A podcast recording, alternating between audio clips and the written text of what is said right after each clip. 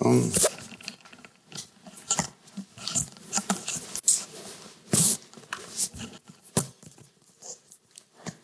Da skal vi se. Der var det bedre. Ja, det er fint, fint å være sammen og kjenne at Jesus er iblant oss, er det ikke det? Det er flott. Det er veldig bra. Det er eh, flott for ungene, er det ikke det? Jeg syns det er fantastisk. Jeg var, eh, stille meg rekka på de som var på led. en del av det, i hvert fall. På fredagen så var det noe undervisning om, om dette med, med, med, å gi det videre. Og Jeg tror det var Einar Myhring som sa det. Han er altså barnebarn av vår gamle pastor her, Arvid Myhring. Um, det med viktigheten av at vi er generasjonene samla i Guds hus. Og de mente at statistisk De som vokser opp i en menighet hvor det er flere generasjoner, de har størst sjanse for å beholde troen opp i voksen alder. For de ser at dette er noe å satse på. Når de vokser opp, Her er det barn, ungdom, middelaldrende, eldre. At de skal være sammen, sånn er fantastisk. Og Der tenker jeg, der må vi kjenne vårt ansvar og vise at jo, vi prioriterer menighet. Vi prioriterer det å satse på Jesus. Så det er veldig bra. Vel eh, Som sagt så reiser vi til Ukraina. Da. Det blir spennende. Eh, vi har hatt en annen ting når vi har trykt 110 000 bibler for Ukraina, som er på vei nå. Det er veldig spennende. Så hvis du blir minnet på det, så vil jeg gjerne be om at det kommer greit fram. Det er tre store fraktkonteinere fulle av bibler. Og vi skal trykke mye mer også i, dette, i løpet av dette året. Eh, jeg snakka med, eller kontakt med Bibelselskapet i Ukraina på fredag. Og de sa kan dere skaffe oss 50 000 nytestamenter for soldatene fortest mulig. De sa da jeg var inne også sist, det finnes ikke en soldat ved grenser i fronten som ikke tror på Gud. Når, når det kommer til den fasen, så er det, de trenger evangeliet. Så vær med og be at det også skal lykkes. Og Hvis du skulle ha noe klær for mye, oppleve som jeg gjør, at jakkene krymper i skapet Det er rart. Det må ha noe med klimaet eh, Så kan du gjerne ta med det neste søndag. Vi er ute etter vinterjakker og ulltøy. Ikke noe, ikke noe sommerjakker og kjoler, men vinterjakker og ulltøy. Så hvis du vil ta med det neste søndag, så er du velkommen til det. Ta en kikk i skapet. Skal vi be sammen. Jesus, jeg takker deg for at du er her. Og nå ber jeg om at vi skal dele sammen. Eh, må gjenspeile ditt hjerte og det du ønsker å si oss i kveld. Hjelp oss i Jesu navn. Amen. Både tema for eh, kveldens eh, tale åndelig visdom. Og det er jo spennende. Eh, det er et svært tema, så og ja, Vi har begrenset. Jeg fikk bare halvannen time, så det er begrensa hvor mye tid du kan få sagt. Eh, så vi prøver å komprimere det, samtidig prøve å håpe at det er noe som kan være med deg videre. Da skal vi begynne å lese fra 1. Korinterbrev 2, vers 1. Da jeg kom til dere søsken, var det ikke med fremragende talekunst eller visdom jeg forkynte Guds mysterium. For jeg hadde bestemt at jeg ikke ville vite av noe annet hos dere enn Jesus Kristus og ham korsfestet. Svak, redd og skjelvende opptrådte jeg hos dere. Jeg forkynte ikke mitt budskap med overtalende visdomsord, men med ånd og kraft som bevis. For deres tro skulle ikke bygge på menneskelig visdom, men på Guds kraft. Likevel forkynte jeg men det er ikke en visdom som tilhører denne verden og denne verdens herskere, de som går til grunne. Nei, vi forkynner et mysterium, Guds skjulte visdom.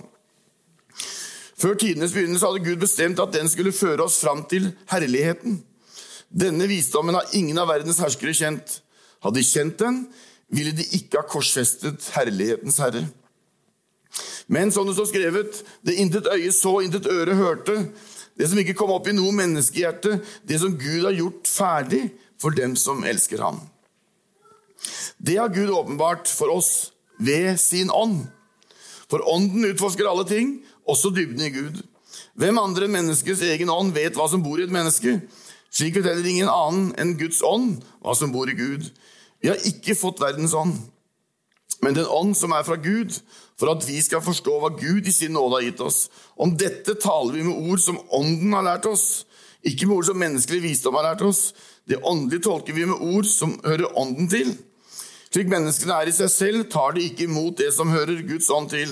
Det er dårskap for dem, og de kan ikke fatte det, for det kan bedømmes bare på åndelig vis.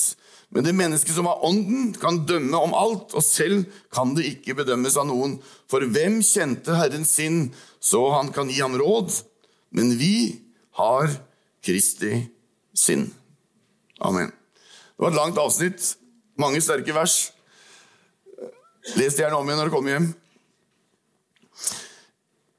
Jeg har hatt det privilegium i mitt uh, hva skal jeg si, lange liv. Ja, begynner å bli langt. og besøkt mange land, fått reise i mange land. Hatt mange forskjellige fantastiske opplevelser. Det har vært fenomenalt. Felles for mange av de reisene er at de har møtt for én spesiell ting når jeg har kommet til nye land. Kan noen gjette hva det er? Nei. Da kan jeg fortelle deg det. Det er språkbarrierer. Har noen opplevd det en gang? Ja. Hvis du har lært tysk på skolen, så kan du en del, kan du ikke det? Eh, det trodde jeg også helt til jeg kom til Tyskland. Da oppdaga jeg hvor lite jeg kunne. Eh, og så er det sånn, Hvis man hadde da bosatt seg et halvt år da, kanskje i Tyskland, så hadde språket kommet ganske antageligvis bedre etter hvert. Man, en progresjon. På den andre ytterligheten så reiste jeg for første gang for 25 år siden til Kina. Og eh, Kina var helt annerledes av mange grunner. hørte Jeg en predikant en gang i Kina har man andre ord for alle ting. Så sånn er det egentlig. Eh, men det som spesielt er språk, språkbarrieren. Jeg kan fortsatt ikke noe kinesisk. Jeg kan si god dag og takk for maten og sånn. Jeg er helt avhengig av en tolk som oversetter for meg, og som jeg stoler på sier det som er sant. Jeg må bare stole på at det han sier, det er riktig. Nå kommer dette med Gud, og vi begynner å involvere oss med Gud. Så tar vi liksom det vi veit, og så bygger vi opp en idé hvem Gud er. Og så ender vi opp med en forestilling. og Vi kunne jo tatt en, hatt hele kvelden skulle tatt en runde og spurt hvordan er Gud. Kanskje vi har forskjellige svar på det. Men det det ender opp med ofte da, er at vi egentlig skaper en gud i vårt bilde. Vi skaper oss en gud. Men Bibelen forteller oss at Gud er veldig ulik oss. Hvorfor det? Jo, Gud han er hellig, hellig, hellig. Og det er ingen som Gud. Fins ingen som han. Så når det gjelder Gud, så er det litt sånn som min erfaring i Kina. Vi er helt i mørket. Vi er helt avhengig av en oversetter som kan avsløre hva som skjer bak forhenget av språkbarrieren. For språk vi rett og slett ikke snakker menneskelig sett. Derfor leste vi at verden skjønner ikke dette her vi snakker om. Hvis vi skal vite mer om Gud, vi skal lære Gud å kjenne, så må han åpenbare det for oss, eller tolke det for oss, oversette det for oss på en måte og en form som gjør at vi kan forstå. Så vi skal sette en overskrift på dagens uh, preken. Dette er bare innledninga, som du skjønner. så må det bli Gud sender sin Hellige Ånd til oss for å åpenbare sin skjulte visdom i Kristus. Det var en lang setning. Gjentar den. Gud sender sin Hellige Ånd for å åpenbare sin skjulte visdom i Kristus. Det er skjult i Kristus. Det var sagt tidligere her alt dreier seg om Jesus. Alt dreier seg om Jesus. Uka, ikke denne uka, uka før så var jeg på en samling med noen ledere fra eh, Pinsemisjon. Og vi snakka om veien videre for misjon. Og Vi tegna opp ei pil og sa hva skal være spydspiss, hva skal være pilspissen i misjonsarbeidet framover. Og Vi landa, vi prata mye, og det var veldig interessant. Vet du hva vi landa på? Det vi måtte lande på. Vi landa på Jesus. Jesus må være spydspissen i misjon. Jesus må være spydspissen i menighetsarbeid, i ungdomsarbeid, i søndagsskolen, i tvils, i alt. Så må Jesus være spydspissen. Det som er skjult i Gud, det som er utilgjengelig for oss i Gud, åpenbarer Gud for oss på to måter. Han åpenbarer det gjennom sin sønn Jesus Kristus. Den som har sett meg, har sett Faderen, sa Jesus. Og så åpenbarer han seg ved å sende Den hellige ånd for å hjelpe oss å se alt som er i Kristus. Og det er kanskje en livslang læringsprosess. Det å se hvem er Jesus, og hva har jeg han, og hvem er jeg han? Jeg gikk fra andre klasse jeg endte det.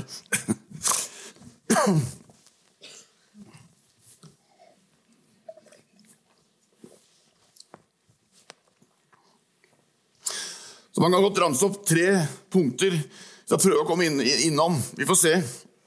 Jeg har timeren på meg, så jeg vet hva jeg bruker av tid. Så ingen får lurt meg. Faderen Det står at han har skjult Kristus i et mysterium. Den hellige ånd den åpenbarer Kristus gjennom forkynnelse. Og vi mottar Kristus, vi mottar Jesus, bare ved Den hellige ånd, som åpenbarer hvem han er. Faderen skjulte Kristus i et mysterium. Vi skal ta det som en liten mellomtittel. Og Vi leste i det første verset her. Og Det kan se ut som Paulus han går imot alt som har med visdom å gjøre. Men han sier, da jeg kom til dere, brødre, var det ikke med fremdragende talekunst eller visdom som jeg forkynte Guds vitnesbyrd, eller mysterium, står i en eldre oversettelse.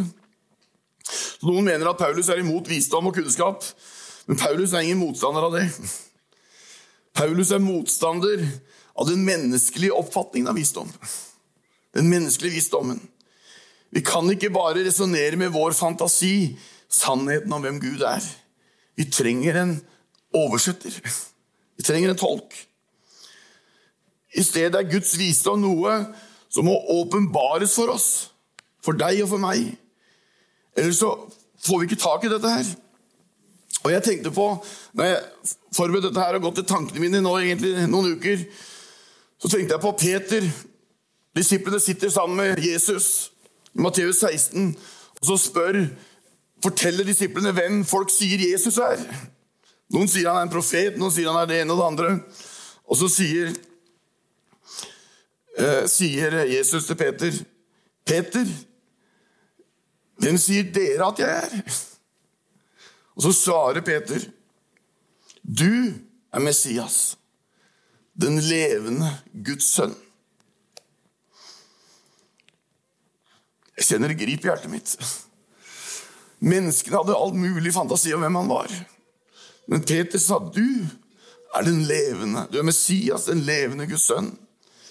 Og så står det Jesus tok til orde og sa, 'Salig er du, Simon, sønn av Jonah. For dette har ikke kjøtt og blod åpenbart deg, men min far i himmelen. Hvordan visste han at dette var Messias, den levende Guds sønn? Jo, at han var blitt åpenbart.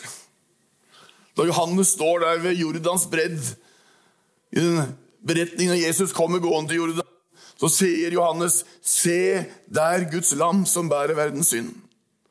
Johannes hadde lekt med Jesus, hadde vokst opp sammen med Jesus. Men der og da skjedde det en åpenbaring. Viste hvem Jesus var. Og sier han videre i vers 6.: Likevel forkynner også vi en visdom for dem som er modne. Det er en visdom som ikke hører denne verden og denne verdens herskere til, de som går til grunne. Altså Han sier vi snakker visdom, vi formidler visdom, selv, selv om det ikke er en visdom som denne verden, denne herskere, som er dømt til å gå til grunne, forstår. Paulus sier at han, han, eh, han avviser denne visdommen. Han ønsker å avvise denne tidsalderens visdom. Og når var denne tidsalderen, da? Når var denne tidsalderen? Vi snakker egentlig om hele menneskehetens historie helt fra begynnelsen av Adam og Eva første Mosebok og helt til tidenes ende. Det er en tid som er preget av avvisning av Guds visdom. En, grunn, si, en grunnleggende vending bort fra Gud. De første mennesker prøvde også å bryte Guds bud. De prøvde å få Guds visdom og kunnskap. En visdom som er helt fundamentalt ulik Guds visdom. Det er derfor vi ikke kan stole sier Paulus, på denne verdens visdom. Det er ikke det vi kan bygge livet vårt på. Så I stedet så sier han da i vers 7 nei, vi taler Guds visdom, som er en hemmelighet. Den var skjult, men før tidens begynnelse Altså, her er lange linjer. Før tidens begynnelse hadde Gud bestemt den til å føre oss fram til herligheten. Altså, Gud hadde før tidenes morgen lagt en plan. Og hva gikk den planen ut på? Det var å føre oss til herlighet. Er ikke det bra? Det er nesten så vi kunne sagt noe.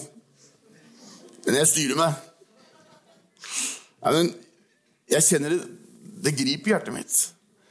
Tenk at Gud hadde en sånn plan. Og i den planen så var jeg inkludert. En boktrykker fra Drammen var inkludert i Guds fullkomne plan. Og du. Og alle mennesker. Naboen din òg. Så, det han egentlig sier, da Men vi taler Guds visdom i et mysterium, det er en hemmelighet. Så det han sier er at Guds visdom det er, et, det er et mysterium, det er skjult. Det er ikke alle som ser det. Det er noe som er fullstendig skjult for denne verden. Og det er masse Jesus sier om at verden de, de, de, kjenner, kjenner oss de skjønner oss ikke. Men hva må til, da? En åndsåpenbarelse. Før jorden ble grunnlagt, så hadde Gud en plan. Og denne visdommen som Paulus snakker om, den refererer til den planen. Før skapelsen så hadde Gud bestemt for å forutbestemme måten han ville frelse syndere som deg og meg. Det er derfor han kom. Han kom for å bli verdens frelser. Han kom for at vi kan synge i jula 'Han er frelser min'. Derfor kom han. Guds plan var at han hadde bestemt at Faderen skulle skjule Sønnen, skjule i et mysterium. Hvor lenge da? Inntil tidens fylde. Inntil tidens fylde. Hva skjedde da? Jo, da sendte Gud sin sønn. Og han fornedra seg selv og ble et menneske som deg og meg. Gud, da tidens fylde kom Fantastisk uttrykk. Og sikkert ikke så mange skjønner. Men fantastisk uttrykk. Da tida var inne, så sender Gud sin sønn.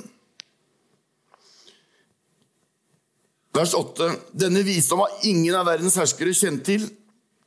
Hadde kjent den, ville de ikke ha korsfestet herlighetens herre. De skjønte ikke hvem han var. Han kom til sine egne, men hans egne tok ikke imot ham. Dette var herlighetens herre. Og likevel så forakta de han. De avviste han, de vendte seg mot ham. Hvorfor det? Fordi de stolte på sin egen menneskelige visdom. De så på Guds visdom. Nei, den vil vi ikke ha.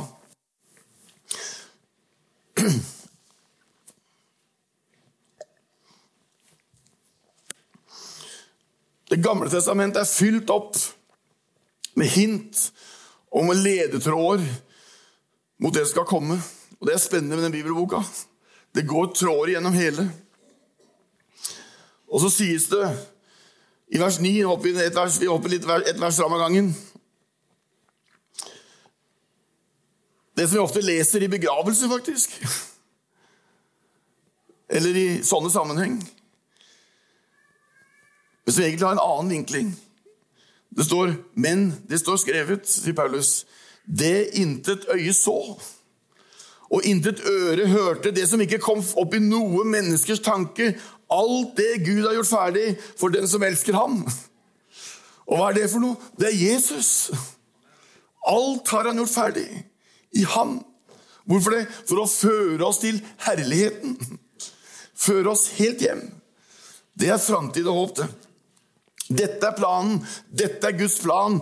Kristus og han korsfestet. Derfor sier Paulus jeg vil ikke vite av noe annet iblant dere enn Jesus Kristus og han korsfestet. Alt dreier seg om Jesus. Og det samme med bibelboka. Hvis du skviser den inn, så dreier alt seg om Jesus. Alt peker hen mot Jesus. Alt dreier seg om Jesus. Alt dreier seg om alt som skjer med Jesus. Likevel fant ikke hele verden ut dette før det ble åpenbart. Før Kristus selv kom på scenen. Før Kristus selv trådte fram. Selv da skjønte de det ikke. Det var bare en liten flokk som skjønte hvem han var. Øynene deres så det ikke, Ørene deres hørte det ikke. Hjertet deres skjønte ikke at dette var herlighetens herre. Og derfor korsfesta de ham. Men selv det var jo i henhold til Guds plan. Guds fullkomne plan. Han måtte bli et sonoffer. Et lyteløst offer, offer uten feil. Jeg lærte noe av faren til Roger på julaften. Nei, det var ikke det var på julespillet. Det viser hvilke linjer det er i Guds ord. Han fortalte hvorfor. Han sa til meg Vidar, veit du hvorfor de svøpte Jesus? Du skal finne et barn som er svøpt og liggende i en krybbe. Jeg måtte si nei. Tenkte du da for å holde den varm, da? Nei, sa han. De gjeterne der, den dreiv ikke med fårikålproduksjon.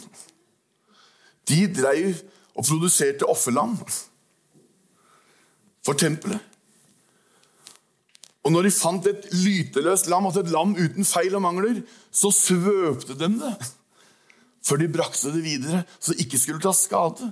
Hva var det Jesus, Hvorfor ble han svøpt? For han var fullkommen. Han var uten lyte og plett.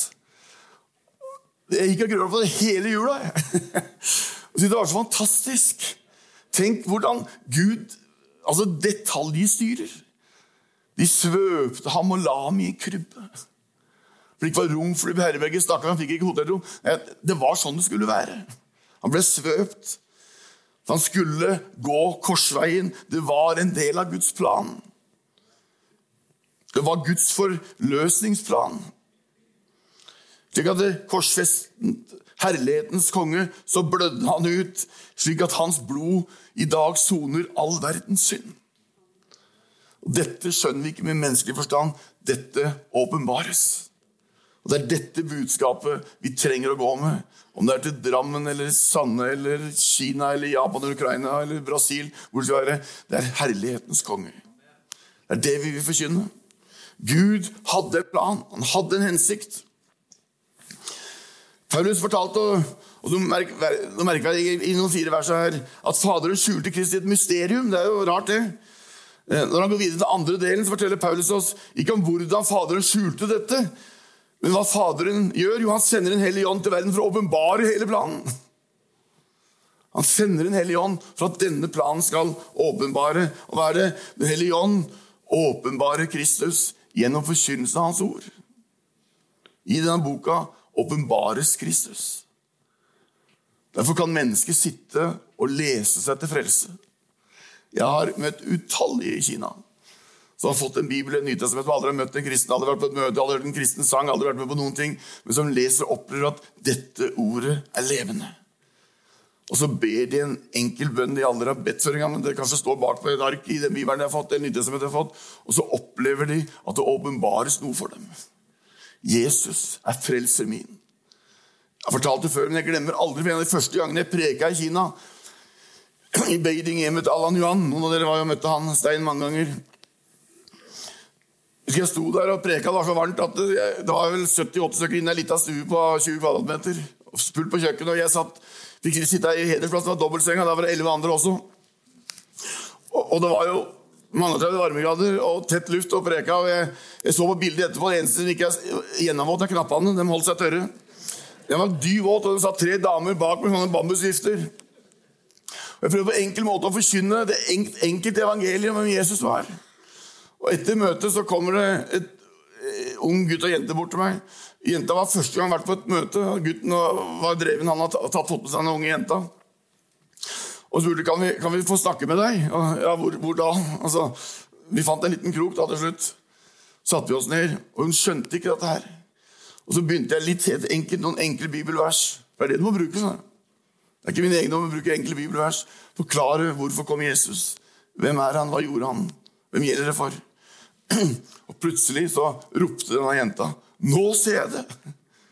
Og så rullegardina spratt. Og en momentan bang-opplevelse. Og jeg sa, 'Hva ser du?' 'Jeg ser at Jesus døde for meg.' Er det ikke det vi ønsker dere i 2023? Ikke bare i Kina, men i Norge og i Drammen. At mennesker ser han døde for meg. Og vi, du og jeg, vi er bærere av dette budskapet. Fortsatt noen minutter. Gud har brakt Dette har Gud åpenbart for oss i sin ånd, sier Paulus. For ånden utforsker alle ting, også dybdene i Gud. Gud har brakt det til oss. Han har avslørt Guds skjulte råd fra før verdens grunnlov ble lagt. Og han gjør denne åpenbaringen sier Paulus, gjennom sitt ånd. Derfor er vi avhengig av Den hellige ånds nærvær.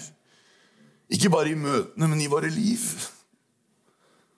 Når vi setter oss ned med Bibelen, enten det er i papir eller telefon, at vi opplever at Den hellige ånd åpenbarer ordet for oss. Og jeg tror det er det vi trenger. Skal vi nå mennesker, når vi er med å fortelle hvem Jesus er for oss, så trenger vi at Den hellige ånd er oss nær. Så han åpenbarer for de vi møter de vi snakker med, gjennom våre ord. Gjennom forkynnelsen. Det er, det, er ikke bare å stå her. Det er våre ord. Helt alminnelige ord vi forteller om Jesus. Og husker Jeg sa mye når jeg var pastor og var sammen med ungdommene.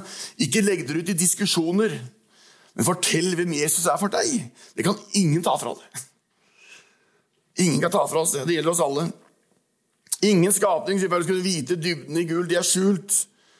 For han fortsetter, Hvem vet hva som bor i et menneske uten menneskets egen ånd? Slik vet heller ingen annen enn Guds ånd hva som bor i Gud. Han tar av mitt, sa Jesus, og forkynner dere. Han kjenner dybden i Gud.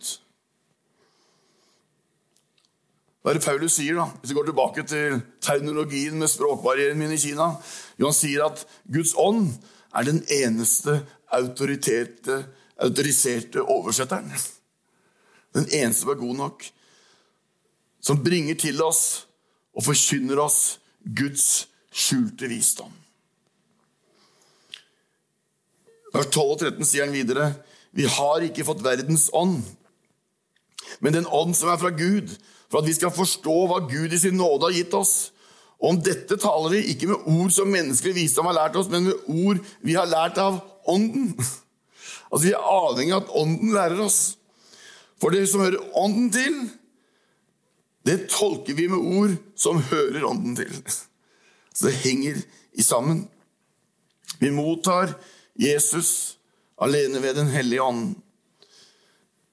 I vers 14-16 så tar Paulus dette videre. Han sier at du får det kun ved Den hellige ånd, og ikke noe annet. Men slik et menneske er i seg selv, tar det ikke imot det som hører Guds ånd til. For ham er det uforstand. Han kan ikke fatte det. Det kan bare bedømmes på åndelig vis. Men et åndens menneske kan dømme om alle ting, men selv kan han ikke bedømmes av noen annen, for hvem kjente Herrens forstand, så han kan gi ham råd? Men vi har Kristi forstand. Men et åndens menneske kan dømme alle ting. Åndelig visdom. Vi er avhengig av Den hellige ånd. Vi er avhengig av Den hellige ånds kunnskap og visdom i våre liv. For Den hellige ånd gjorde sin gjerning, så sitter du og jeg her i dag og kan si 'jeg er frelst'. Jeg tilhører Jesus. Ja, det er oppturer og det er nedturer, men jeg veit Jesus bor i hjertet mitt. For noen år siden skulle jeg operere kneet mitt, som sikkert noen av dere husker. Og fordi jeg var en stor, voksen mann og veide over 50 kilo, så måtte jeg til en lege hjertetest først. Og så lå jeg på en benk med sånn ultralyd av en hjertespesialist som, på Lovisenberg som gikk over regionen her og kikka og granska skjermen. Så kunne jeg ikke dy meg, da. Så sa jeg til den Ser du Jesus der inne, altså? Så skatten litt til sånn Nei, han, men jeg, er sikker på at den er der, han. Og det er godt å vite. Jeg er sikker på at han er der, men jeg tror han bor ved troen i våre hjerter. Og mer nært og mer intimt går det ikke an å ha forhold til noen. Han bor ved troen i våre hjerter. Og vi sitter her, og vi er frelst, og vi er klar for herligheten. Det er fantastisk. Det er grunnleggende poeng i disse vers 14 som vi leste. Det er evnen til å skjelle det åndelige ting. Det er som en sjette sans. Det er som en ekstra sans. Vi har gitt Den hellige ånd for å gi oss åndelig dømmekraft i åndelige ting. Og det trenger vi i dag, i 2023. Det er forvirring på mange områder. Vi, vi, vi er utsatt for påvirkning og press fra mange hold. Kanskje aldri vært så vanskelig å heise flagg som det er nå. Hvis de kristne skoler skal vekk, og det, det, det er kutt i, budsjetter og det ene og det andre For de skjønner ikke. Men vi, vi har fått se inn i noe. Vi har sett inn, vi har sett Jesus. Og så er det en bønn. Jeg vil se mer. Da Jostein og jeg var unge, veldig unge, så sang vi med hver vår gitar, rene sangevangelistene. Og vårt glansnummer, det var 'Alt jeg behøver, er mer av Jesus'. Alt jeg behøver, er mer av Jesus. Gi meg og Jesus mer av deg, så jeg står rede når du henter meg. Og så har vi hatt den sangen i oss siden den gangen. Et ønske om å se mer av Jesus. Og så skal den sangen tone i hjertene våre til vi står hjemme i herligheten, som han har forutsatt for oss. De skjønner det ikke. Det er som en kar sa en gang Det vil være håpløst å spørre en døv hva han synes om Mozart sin musikk, eller en blind hva han synes om Monets malerier. Men vi skal få Den hellige ånd til å bedømme i åndelige ting. Åndelig visdom.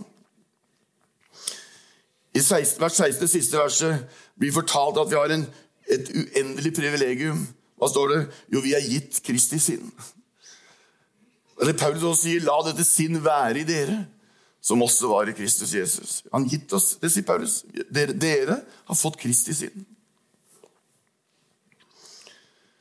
Hva betyr dette? da? Det betyr at vi må ha en lang, en stø og en langsiktig strategi for å prøve å dele evangeliet med mennesker rundt oss. Regelmessig forkynne evangeliet til de som ennå ikke kjenner Jesus. Det er det det dreier seg om. Vi var på den misjonssamlingen også, var det vi om. Det er å nå de som ennå ikke er nådd med evangeliet. Og det er noen langt inn i bushen rundt omkring som ikke er nådd med evangeliet, folkegruppen, men også folk i vårt eget land som ikke aner hvem Jesus er. Og så er du og jeg satt her i 2023 for å være hans sendebud. Vi snakker ofte om misjonærer. Nå ringer klokka. Da jeg holdt på det jeg skal være. Nå går vi ned for landing. Det står ikke om misjonærer egentlig i Bibelen, men det står om sendebud. Og det står om alle oss så er vi da sendebud i Kristi sted. Vi er Guds stedfortredende representanter. Så skal vi snakke om menighetsmøte etterpå. Jeg, men Det skal sikkert snakkes om bygg. Og Hvorfor gjør vi det? Jo, vi ønsker å ha et redskap som i enda større gang være med å bringe evangeliet til nye mennesker. Vi kan få tak og kontakt med enda flere mennesker. Vi har økonomiske mål, vi har eh, praktiske mål i en menighet. og Det skal vi ha, det må vi ha. Men det handler også om åndelige mål. Vi ønsker åndelige mål for menigheten. Nå så vi begynnelsen av nytt år. Vi, vi må også ha noen åndelige mål. Gud, hjelp oss, åpenbar det for oss. Og Hva er vår oppgave i 23? Det er oppgaven som vi har hatt i alle år før også, å prøve å nå noe med evangeliet. Så står det om Jesus at han søkte å frelse det som var fortapt.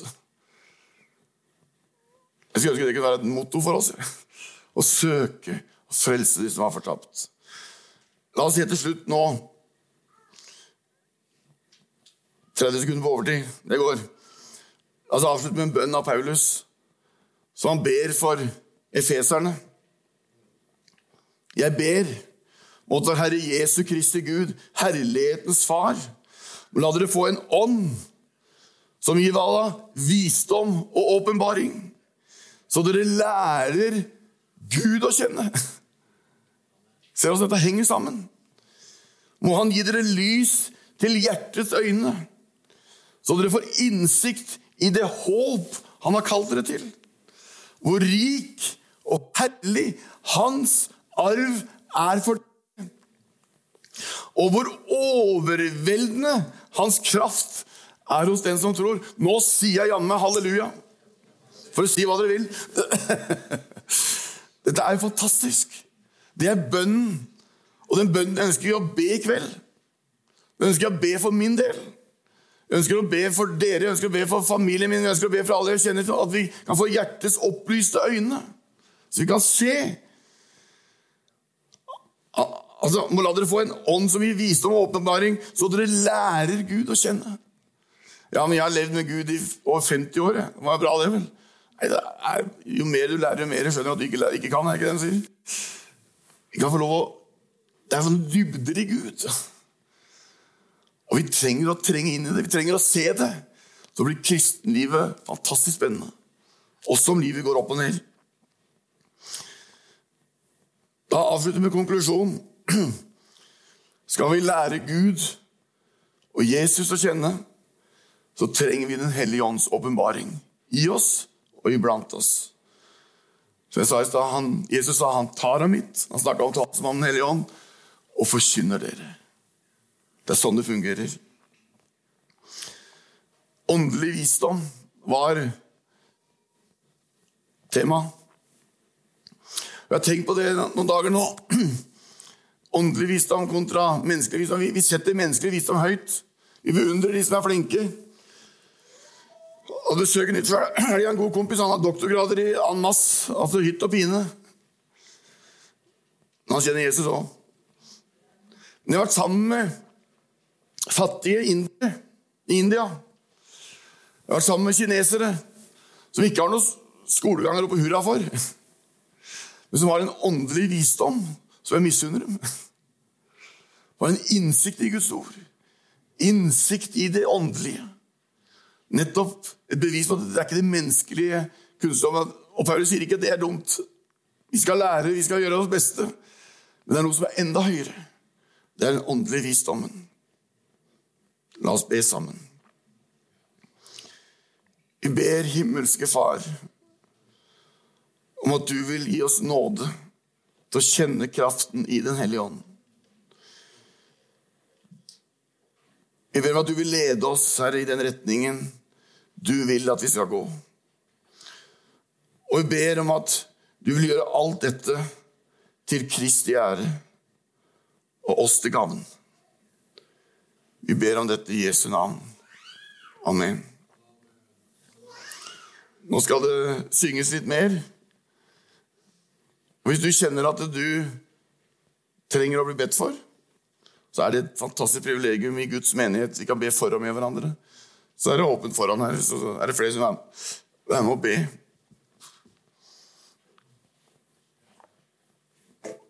Og jeg kjenner i hvert fall på min del at Jesus åpenbar deg i menigheten. La oss få bli 23 en menighet som, hvor vi kjenner at her er åndsåpenbaring. Og mennesker kan gå forbi opp der, og her er det noe. Gud kan. Men så er det avhengig av at vi stiller oss til disposisjon og sier her er jeg. Vi er bærere av Den hellige ånd. Og jeg tror Gud vil store ting i menigheten vår og i byen vår. Gud velsigne hver enkelt.